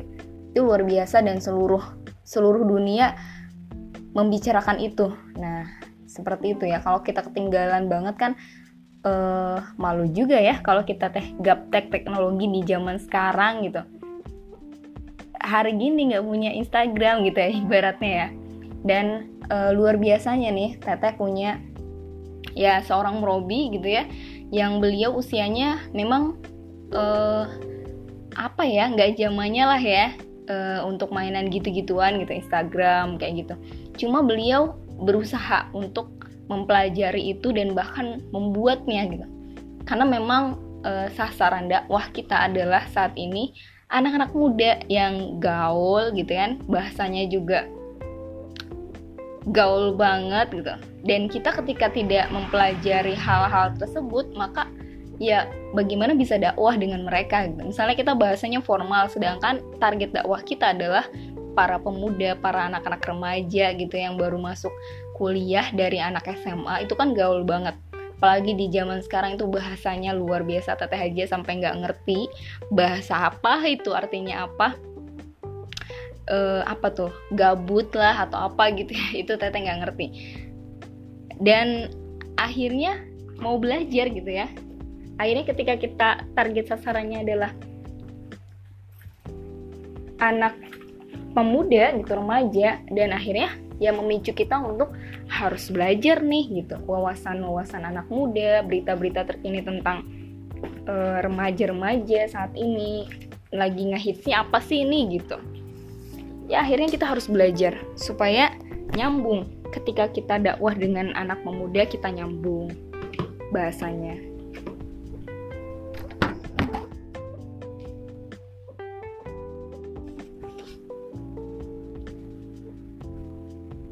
Nah, selanjutnya adalah kelemahan organisasi. Nah, kalau kata Khalifah Ali bin Abi Thalib, Kebenaran tanpa organisasi yang baik akan dikalahkan kebatilan yang terorganisasi dengan baik ya. Betul ya, ketika kita menjalankan kebaikan tapi tanpa di di planning dulu gitu sebelumnya, pasti akan acak-acakan. Kejahatan yang terorganisir gitu ya, dibuat strateginya, planningnya seperti apa, itu akan menghasilkan ya kita lihat misalnya perampokan di bank misalnya ya contoh ya itu pasti sudah terorganisir. Misalnya uh, kamu di bagian apa, kamu di bagian mana, terus uh, detik keberapa nih kita harus ngambil uangnya. Nah itu kan terorganisir banget supaya mereka nggak ketangkep gitu kan, di planning banget nih pokoknya. Nah kita nih sebagai agen perubahan, kemudian orang eh, orang-orang yang berorganisasi di jalan dakwah gitu ya. Ya pastikan ketika kita membuat acara, membuat apalagi acara itu adalah acara kebaikan, acara syiar gitu untuk mengajak teman-teman kita untuk hijrah, itu pasti harusnya diperhatikan, di planning secara baik gitu supaya tidak asal-asalan dan hasilnya pun ada gitu. Karena kita memang kerja kerja dakwah gitu. Tidak boleh uh, asal jadi gitu ya, asal terlaksana, harus ada output yang kita ambil, harus ada output yang keluar dari uh, acara kita. Dan sekarang sistem kita adalah sistem online. Pengkaderan kita adalah pengkaderan online. Baik GMPM atau kami atau organisasi apa pun pasti punya strategi-strategi bagaimana caranya supaya mahasiswa baru nih kita rekrut untuk regenerasi kita gitu. Jangan sampai ketika sudah new normal, kalian sudah selesai nih di rumahnya dan kemudian kembali lagi kuliah. Organisasi sudah selesai, tahu-tahu udah selesai gitu. Nggak nggak ngadain kegiatan offline tiba-tiba sudah lengser, kalian nggak punya regenerasi. Itu kan sayang banget ya. Lost satu tahun misalnya, lost satu generasi, terus siapa yang menjalankan gitu. Karena ini organisasi uh, yang kami dan GMPM adalah organisasi dakwah ya harusnya lebih lebih apa ya lebih greget gitu. Lebih greget dan lebih mempersiapkan regenerasi berikutnya. Nah ini yang harus kita perhatikan. Lemah dalam berorganisasi kemudian membangun organisasi yang solid kita nggak mampu kelemahan kita seperti itu akhirnya ya bagaimana kita bisa mem membangun Indonesia ini dengan uh, negara Islami, negara yang uh, benar-benar damai gitu ya. Kalau kita mau organisasi satu organisasi atau satu wadah aja nggak bener gitu uh, banyak kesalahpahaman atau misalnya banyak sekali masalah-masalah bagaimana kita bisa membangun negara kita gitu jadi kita berawal dari organisasi. Membangun negara kita nih, negara Indonesia, belajar dari berorganisasi. Kita organisasi gimana nih e, supaya tim kita solid? Bagaimana nih supaya kita e, bisa satu visi, satu misi, satu frekuensi gitu. Dan apalagi perempuan ya, perempuan itu pakai perasaan. Nah, menurut Teteh nih, kalau dalam berorganisasi uh, jangan sampai ada baper-baperan karena memang niat kita pribadi uh, kan berorganisasi nih. Niat kita adalah lillahi ta'ala kita berorganisasi atau lo, apalagi organisasi itu adalah organisasi dakwah ya kita lillahi ta'ala karena saya ingin memperjuangkan dakwah memperjuangkan Islam di kampus saya gitu. Nah kalau misalnya ada sesuatu yang membuat hati kita kecewa gitu ya hilangkan. Karena memang kita nggak akan merasa nggak akan pernah merasa puas kalau tujuan kita manusia. Tujuan kita penilaian manusia.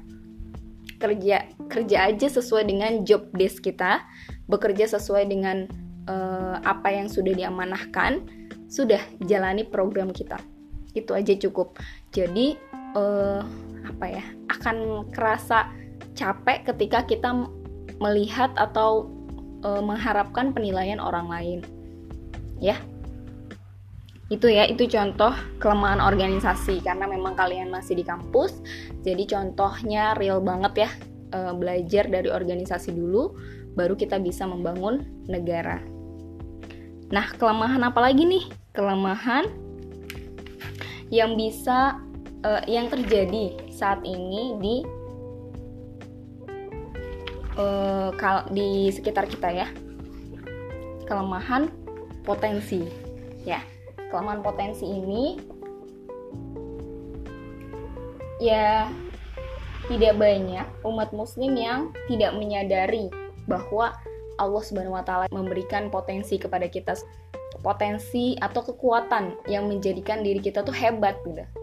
Beda dengan yang lainnya. Misalnya eh, Mariana dengan potensi tahfidznya Nah, itu adalah kekuatan Mariana supaya orang itu melihat Mariana ya tahfidznya gitu. Wah, ini hafizoh nih gitu. Dengan uh, label tahfidznya dan itu diperkuat. Kalau bisa uh, telesaranin itu diperkuat kalau memang uh, potensi Mariana lebih seneng di tahfidz gitu. Senangnya tuh di tahfidz sampai nanti akhirnya bisa punya lembaga tahfiz gitu kan. Bahkan mungkin nanti bisa punya pesantren amin ya robbal alamin. Bisa punya sekolah yang berbasis tahfiz. Nah itu mulai dirancang dari sekarang. Orang-orang yang seperti ini yang uh, sudah yakin dia sudah kenal dengan potensinya kemudian mulai dikembangkan itu akan lebih lebih bisa membuat negara kita atau uh, bisa membuat umat muslim gitu ya itu jaya. Insya Allah kalau setiap orang sudah menyadari potensinya kemudian dikembangkan dan berhasil gitu ya itu luar biasa. Negara kita pasti akan bukan hanya kaya secara alam tapi juga kaya secara sumber daya manusianya. Sama seperti misalnya pengusaha-pengusaha Reza Randy misalnya ya. Kalian kenal nggak? Dia pengusaha uh, busana keke itu ya busana muslim keke itu ya beliau uh, potensinya di bisnis. Kemudian dikembangkan jadilah mereka jadilah beliau ini trainer bisnis ya kan? Dan akhirnya punya punya produk dan sebagainya. Dan orang-orang mengenal beliau sebagai pembisnis dan trainer bisnis. Luar biasa ya potensinya e, menjadi kekuatan dia dan dikenal orang tuh ya dengan potensi itu jadi dari sekarang coba kenali potensi teman-teman masing-masing dan senangnya tuh di mana. Potensi atau eh, apa bahasanya ya? passion ya. Passion teman-teman tuh di mana? Nah, kalau misalnya passion teman-teman di misalnya di kerajinan tangan atau misalnya di nulis nah seneng tuh dengan nulis seneng banget deh pokoknya nggak ada capeknya kalau udah nulis nulis cerpen nulis novel gitu nulis puisi dikembangin di situ. Caranya gimana nih dikembangin? Bisa ikut misalnya kelas menulis sampai bener-bener jadi ahli. Dan nantinya teman-teman bisa bermanfaat dengan kekuatan itu. Teman-teman bisa berbagi dengan kekuatan itu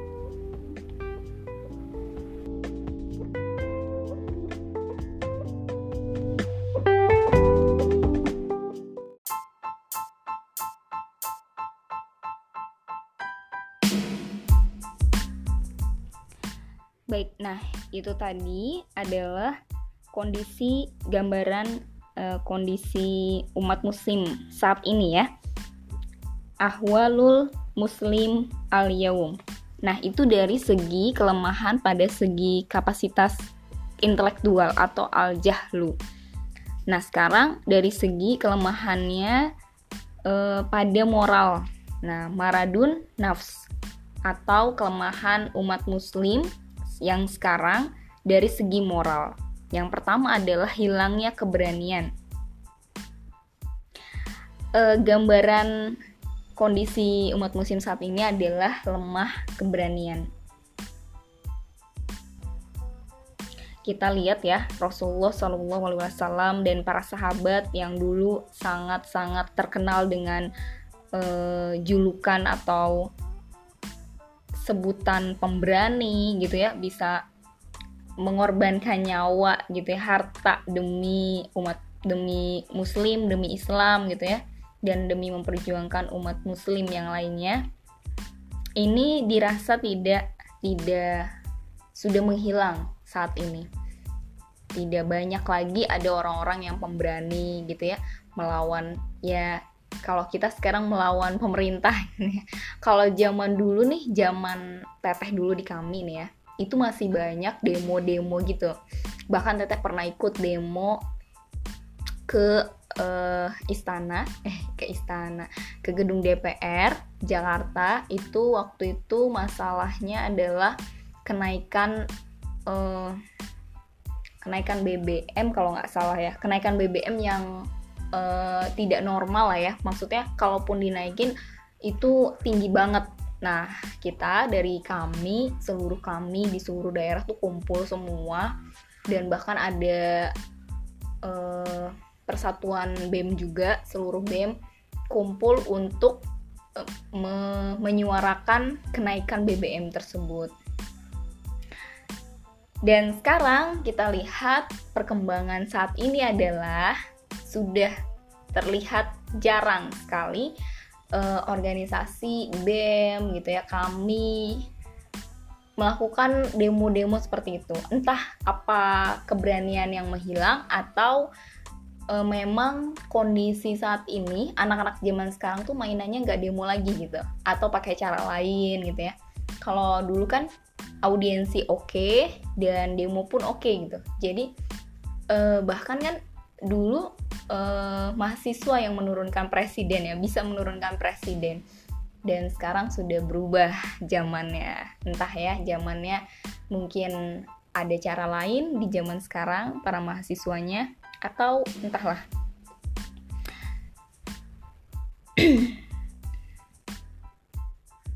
Ya eh, keberanian inilah yang bukan hanya menentang pemerintah saja tapi juga kita harus berani menyuarakan atau berani uh, tidak takut gitu dengan manusia, tapi rasa takut yang kita miliki adalah rasa takut kepada Allah Subhanahu wa taala. Takut ketika kita berbuat maksiat, takut ketika uh, kita melanggar syariat Allah, takut ketika kita melakukan hal-hal yang dilarang Allah gitu. Dan ini yang harus kita miliki, keberanian ini yang tidak boleh hilang dari umat muslim, dari kita ya, muslimin. Nah, selanjutnya adalah hilangnya sikap teguh pendirian. Nah, kadang-kadang keteguhan itu bisa e, terlihat gitu ya pada prinsip hidup seseorang.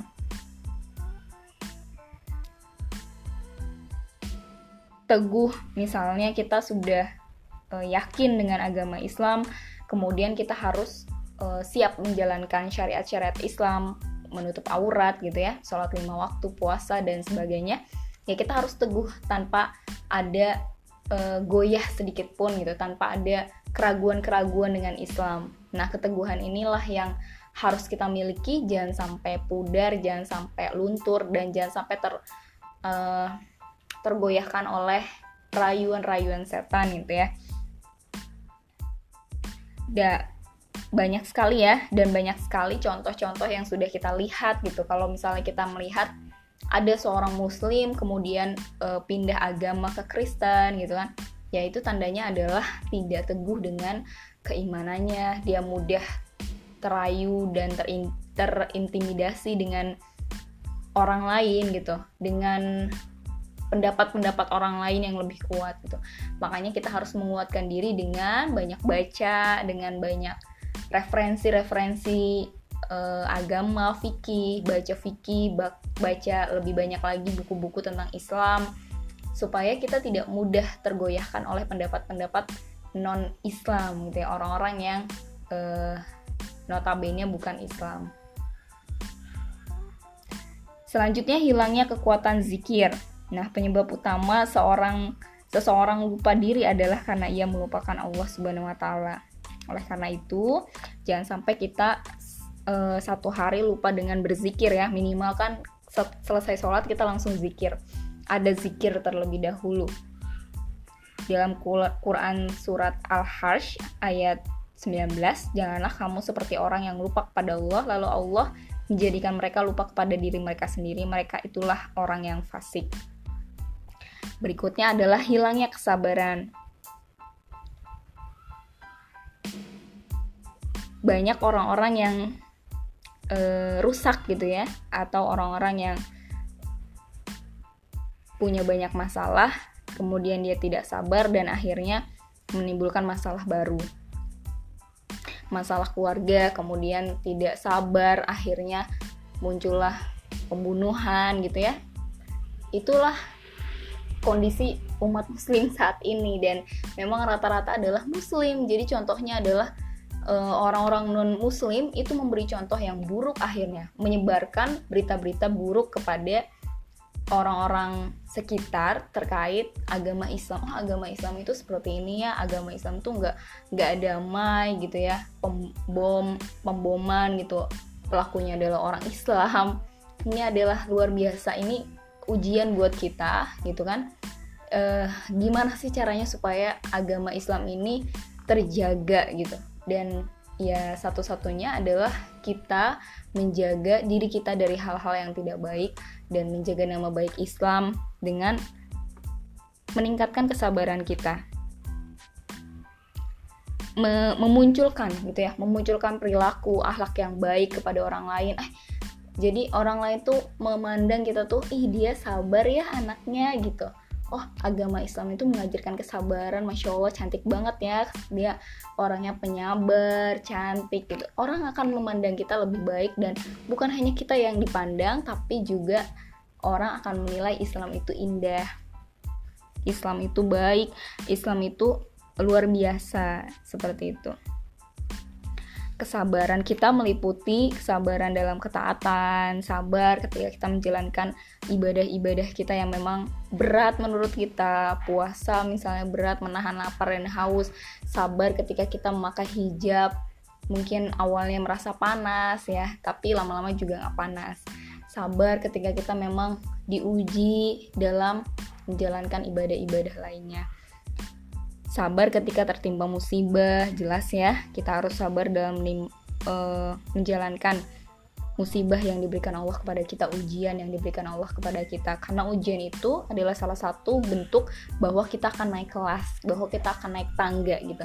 Kalau kita biasa-biasa aja hidupnya artinya Allah pun tidak uh, melihat kita istimewa gitu dan kalau kita diuji jangan salah. Bukan berarti Allah itu benci bukan berarti Allah itu gak adil gitu ya. Tapi itu adalah tanda bahwa kita di apa ya diperhatikan sama Allah dan akan naik kelas. Nah ini adalah keistimewaan buat kita. Oleh karena itu kita harus belajar sabar ketika tertimpa musibah. Dan berikutnya adalah sabar dalam melakukan sabar dari melakukan maksiat. Kita harus sabar ketika orang-orang uh, orang lain tuh melakukan aduh pacaran gitu ya. Teteh kasih contoh pacaran kita belum dapet jodoh gitu ya. Kadang-kadang mungkin kita tergoda untuk eh dia ada yang memperhatikan terus ada yang raktir makan gitu ya. Nah inilah ujian kita untuk menahan agar kita tidak berbuat maksiat. Karena kita tahu bahwa itu tidak baik bahwa itu melanggar gitu kan. Dan ya inilah ujian kita untuk bersabar. Nah itulah kelemahan dari segi moral. Sebenarnya ada lagi ya banyak sekali kelemahan-kelemahan umat muslim saat ini.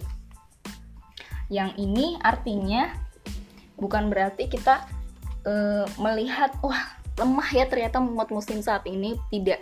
Tapi ini menjadikan kita evaluasi supaya kita oh inilah kelemahan kita dan kita harus memperbaiki ini kita harus menguatkan lagi nih dari segi apa dulu nih yang harus kita kuatin yang tadi teteh kasih contoh kan oh ada dari segi moral ini yang harus ditingkatin, yang harus dikuatin lagi. Dari segi potensi ini yang harus dikuatin lagi. Nah, inilah sebagai oh dari segi intelektual ya, bukan potensi intelektual. Jadi, ini sebagai bahan evaluasi kita supaya kita bisa menguatkan, meningkatkan hal-hal yang lemah yang membuat umat muslim saat ini melemah gitu dan kita sebagai agen of change belajar untuk meningkatkan kelemahan-kelemahan tersebut, menghilangkan kalau bisa kelemahan-kelemahan tersebut. Mulai dari diri kita.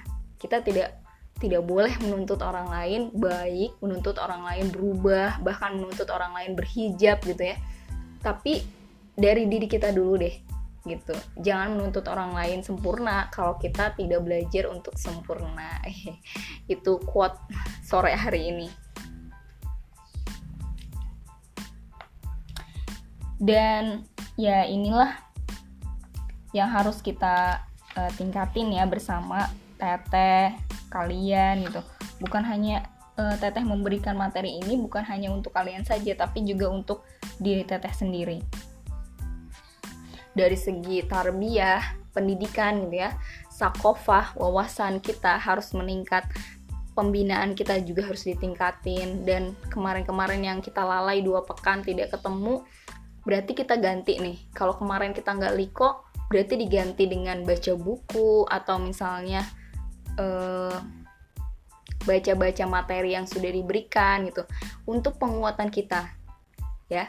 Jadi ada pengganti ketika kita ketika kita terganggu atau misalnya berhalangan hadir liko dan sebagainya itu harus ada pengganti. Itu komitmen diri kita sendiri. Kalau misalnya ah saya nggak liko nih berarti saya harus ganti dengan baca buku dan sebagainya. Itu buat apa? Buat penguatan diri kita buat peng penguatan sokofah kita itu ya yang mudah-mudahan hari ini ini menjadi uh, vitamin ya buat teman-teman, buat kalian semua, vitamin untuk tidak lalai ketika di rumah biasanya kan kebanyakan rebahan gitu. Beres-beres rumah langsung capek kemudian banyak rebahan. Tapi dimanfaatkan untuk meningkatkan kapasitas diri. Jadi ketika keluar dari rumah nanti kalau sudah new normal, udah kuliah lagi, akhirnya kita tuh berubah jadi orang yang luar biasa gitu. Wow, ada hasil ya ketika di rumah gitu ya. Jadi nggak nggak hanya sekedar di rumah ya gitu-gitu aja gitu ya akhirnya ketika sudah balik ke kuliah nggak ada yang istimewa gitu kok gini sih nggak ada perubahan apa-apa gitu coba deh direnungkan dievaluasi uh, nanti malam misalnya ketika yang lain sudah tidur kalian evaluasi kalian coret-coret deh di buku apa sih perubahan yang nanti saya berikan ketika sudah new normal ketika saya sudah ber bersosialisasi dengan banyak orang, saya berubah apanya nih? Dulu seperti ini, apakah sekarang masih seperti ini? Nah, itu bahan evaluasi buat kita semua, buat teteh juga yang mudah-mudahan bermanfaat ya. Itu saja yang bisa teteh sampaikan. Wabillahi taufik wal hidayah. Wassalamualaikum warahmatullahi wabarakatuh.